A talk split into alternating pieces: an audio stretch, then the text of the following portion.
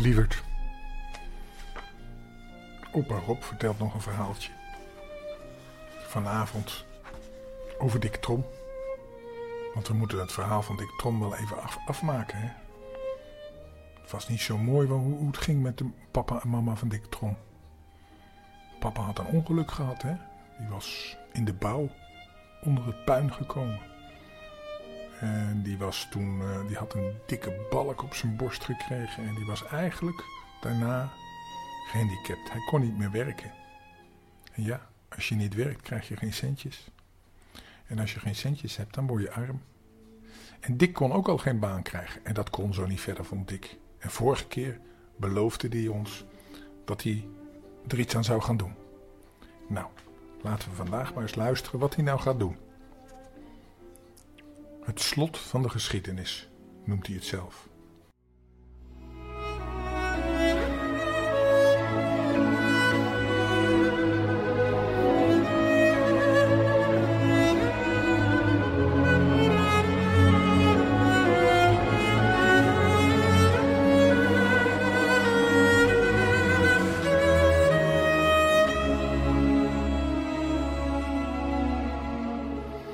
Volgende morgen stond Dick vroeg op en begaf zich naar Piet van Dril.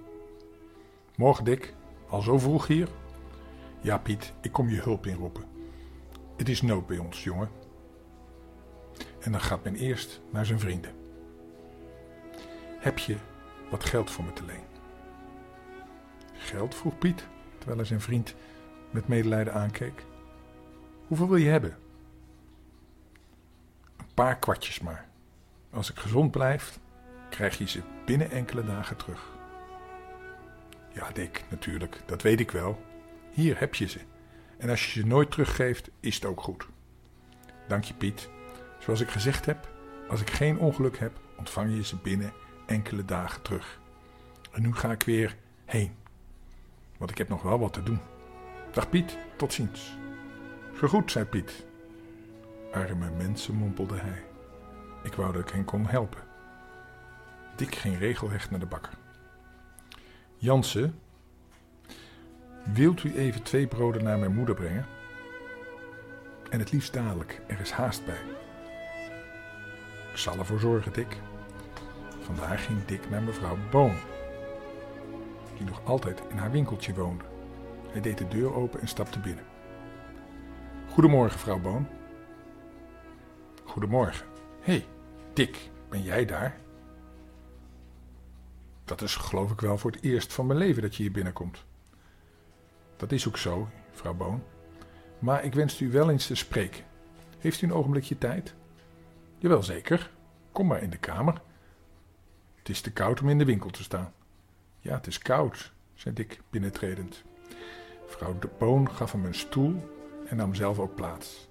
Tamelijk nieuwsgierig wat Dick nu wel te zeggen had.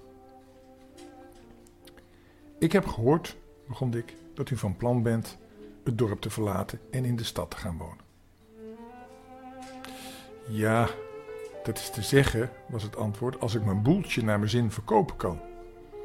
Ik ben niet van plan om zomaar weg te lopen. Nee, dat begrijp ik, zei Dick. Daar ben ik juist voor gekomen, om daar eens over te praten. U woont hier in een huurhuis, nietwaar? Ja, dat huis is van de molenaar. En ik heb er nog zes jaar huur aan. Maar ik mag de huur wel aan een ander overdoen. Tenminste, als het een knap persoon is. Nu, wat dat betreft zal de molenaar wel geen bezwaar hebben, denk ik, meende Dick. En hoe staat het met de winkel? Nou, de hele inventaris is mijn eigendom, antwoordde de weduwe. Toonbank, weegschalen, gewichten, bakken, laden. Kortom, alles wat erin is, behoort van mij, is van mij.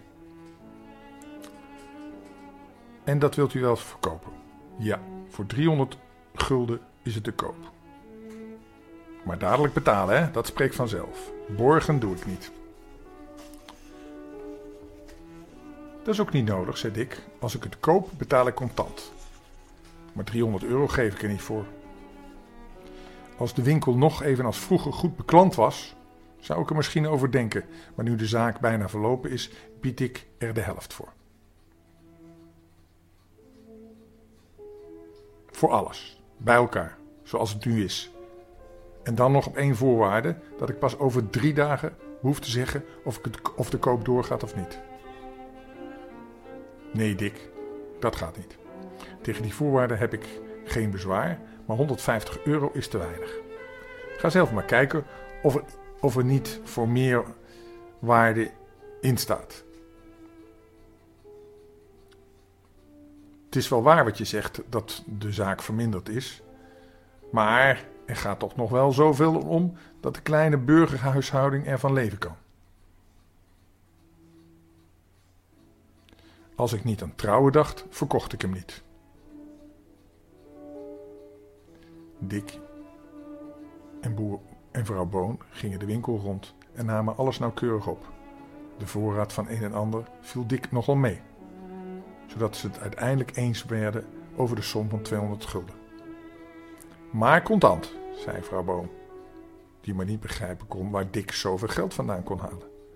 Dat is afgesproken. Uiterlijk over drie dagen kom ik u mijn besluit meedelen. Dick vertrok en begaf zich naar de burgemeester, bij wie hij na een ogenblik wachtte werd toegelaten. Burgemeester, ik heb gehoord dat voor uitzending naar de tropen soldaten aangeworven worden. Zou u me daaromtrent niet wat nader kunnen inlichten? Wel zeker, met genoegen. Of eigenlijk gezegd, weet je er alles van? Inderdaad, er zijn flinke jongens nodig. Waarom vraag je dat zo? Je wilt toch zelf niet gaan? Nou, misschien wel, burgemeester. Hoeveel handgeld wordt er gegeven? 400 gulden. Dat is nogal een mooi sommetje, nietwaar? Hoe oud ben je? 18 jaar, burgemeester, en goed gezond. Zo 18, nou dan ben je op de leeftijd. Maar ik weet niet of ik het je moet aanraden, Dick. Het is een ongezond land. Veel Hollanders krijgen er last van de gele koorts. Ja, burgemeester, dat heb ik ook gehoord. Maar ik kan niet anders. Waar kan ik me aanmelden? In elke garnizoensplaats, Dick. Dus je hebt daartoe besloten? Ja, burgemeester, de nood dwingt me ertoe. Ik dank u wel voor de inlichtingen. Dick vertrok en ging naar huis. Hij vond zijn ouders in een sombere stemming bij de tafel zitten. Er stond een boterham voor hem klaar, welke hij dadelijk begon op te eten, want hij had grote honger. Hoe ben je aan dat geld gekomen, Dick? vroeg moeder. Dat heb ik geleend, moeder. Geleend? Maar waarvan moeten we dat dan teruggeven? Hebben immers niets meer. De ongelukkige vrouw, ongelukkige vrouw kreeg tranen in haar ogen. Dat is waar, moeder, maar droog je tranen want binnen enkele dagen zal ik jullie geld geven. Om de winter verder goed door te komen. Ik ben met mevrouw Boon in onderhandeling gegaan om haar winkeltje over te nemen. Voor 200 euro word ik eigenaar van de hele zaak. En? Maar jongen, jongen, hoe heb ik het nu met je? vraagt zijn moeder, die hem met grote verbazing aankijkt, terwijl vader bedenkelijk het hoofd schudt. We hebben toch geen cent in huis? Hoe kunnen we die som nou ooit betalen? Dat zal ik u zo meteen zeggen, moeder. Denk nu eerst maar eens hoe u het zou vinden om in dat zaakje te komen. Ach jongen, ach kind, daar is geen denken aan. Wat zou het anders heerlijk wezen? Er gaat wel niet zo erg veel om, maar toch wel genoeg om ervan te kunnen leven. Dat is zeker. Vroeger was het zelfs een best zaakje. En dat zou het wel gebleven zijn als die vrouw Boon maar niet zo ruw onhebbelijk was. Ik geloof zelfs dat het knaapje het zaakje best wel weer druk te maken is. Als er leuke mensen in zitten. O jee, wat zou dat heerlijk wezen als wij het zouden kunnen kopen, Jan. Dan konden we de toekomst onbezorgd tegemoet zien. En dan hoefde je ook niet meer te werken. Tenminste, niet harder dan je krachten toelaten. We zouden gered zijn, Jan. Maar ach, dat ongelukkige geld. Wel nu, moeder, zei ik. Ik heb een middel gevonden om, dat, om aan dat geld te komen. Welk middel dan? vroeg moeder nieuwsgierig, maar toch vol angst. Want ze begreep dat er veel gevecht zou worden. Dick keek haar een ogenblik aarzelend aan. De goede jongen zag er tegenop om haar zijn besluit mee te delen. Toe Dick, zeg het dan. Of is het zo erg? Ik brand van nieuwsgierigheid. Ja, Dick, zei vader. Ik ook. Ik ook. Wat doe je? Wel nu, moeder, ik zal het u zeggen. In de West. Moeder liet hem niet uitspreken. Met tranen in haar ogen sloeg ze haar armen om de hals. Wou je weggaan, mijn dik? Mijn jongen, snikte ze. Wou je je moeder verlaten en je vader, dik? Begrijp je dan niet hoe lief we je hebben? O, dik, we hebben immers niets anders op de wereld dan jou. Dick gaf zijn moeder een kus en maakte zich zacht uit haar omarming los.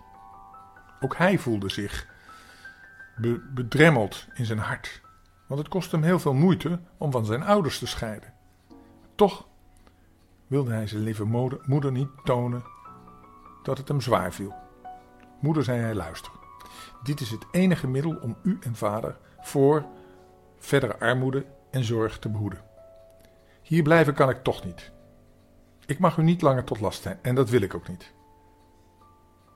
Viel er hier ook maar wat te verdienen? Dan zou ik er niet over nadenken om weg te gaan. Maar nu zit er niets anders op. Wekenlang loop ik al zonder werk rond. En het is de vraag of ik in de komende maanden uh, wel werk zal krijgen.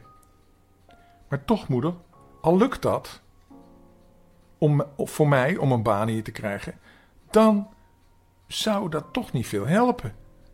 Want ik zou er nooit van kunnen overschieten. Ik zou niet, geen geld overhouden. Vader is zwak. Hij kan in de eerste jaren stellig niets verdienen. En u moet toch in het levensonderhoud van u beiden voorzien. Nee, moeder, het is beter zo.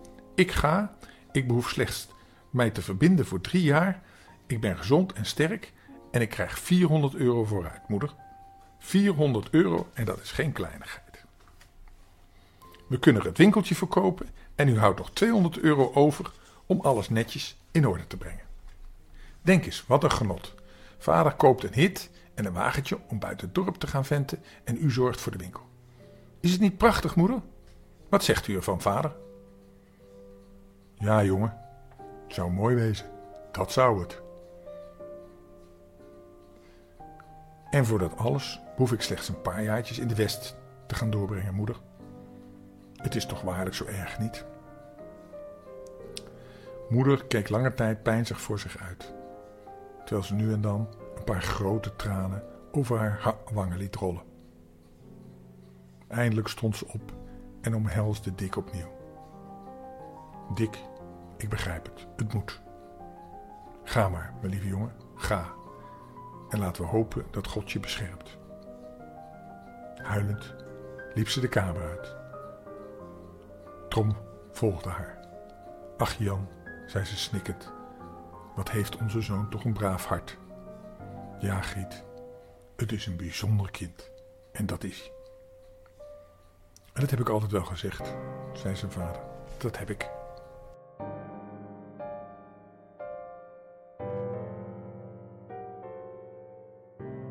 Is duidelijk wat Dick besloten heeft.